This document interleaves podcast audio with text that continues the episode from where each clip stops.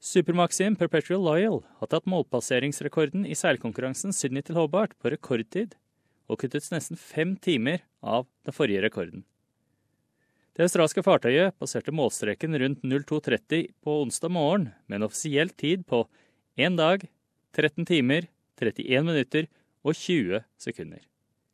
Sterk vind gjorde dette til en rask avslutning på årets Sydney til Hobart. Idet Perpetual Loyal knuste den tidligere rekorden med nesten fem timer idet de krysset mållinjen. Skipper Anthony Bell nøt seieren. This is one for the true believers. Uh, we we kind of uh, came together as a team really sensibly this year. We, we, we picked the right people for the boat. We worked on the boat. So many people uh, believed in it uh, that wanted us to keep going. So um, yeah, we came back and had another shot at it, and uh, it paid off. Bell sier at nøkkelen til seieren var et mannskap som jobber godt sammen. The calmness and coolness on our boat was the thing that got us through. The um, the specialty of two or three particularly good people in their fields, uh, able to give us advice and and uh, calmly make some decisions out there that actually paid off for us um, was really important. Um, and I think the camaraderie and the belief and the, um, you know, we had nothing to lose. That was the most important part. We turned up. I don't think anyone expected us uh, to do well in this race. Uh, the bookies certainly didn't. Et medlem av Cattenbells mannskap, olympier Tom Slingsby, fortalte ABC at å ha tatt målpasseringsrekorden. Nå gir han skryterettigheter.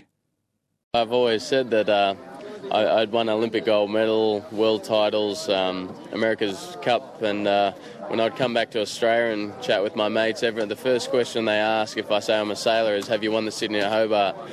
And when I say no, it's like they roll their eyes and think I'm not actually a sailor. But finally, now I can tell them that I have won the Amer- the uh, Sydney Hobart, and uh, and uh, yeah, it, it definitely goes up there high, especially breaking the race record. New Zealand's Giacomo var andre over linjen, mens Supermaxin Scallywag fra Hongkong kom på tredjeplass. Giacomo er med i kampen om handikaptittelen, som går til båten som gjør det best i forhold til sin størrelse. Eier og skipper Jim Delegate sier at hans mannskap hadde den rette strategien for å få mest mulig ut av værforholdene. We figured that for the first 18 to 20 hours, it was our race. We went out wide, we picked the weather right, it gave us the opportunity to come in. We were um, about eight or ten miles behind um, Loyal um, earlier in the race there, but we had no designs because they're, they're very slippery, you know, and the moment um, the breeze picked up, we all got away. Åtte ganger vinner av til Hobart, Wild Oats 11, måtte trekke seg fra løpet på tirsdag med hydrauliske problemer som immobiliserte kjølen.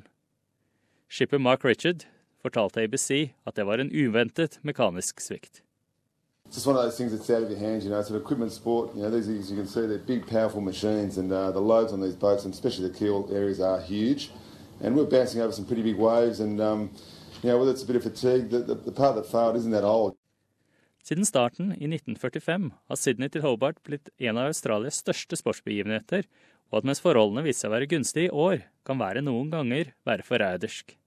I 1998 omkom seks personer, fem skip sank, og 55 sjøfolk måtte bli reddet under en vill storm over Tasmanhavet.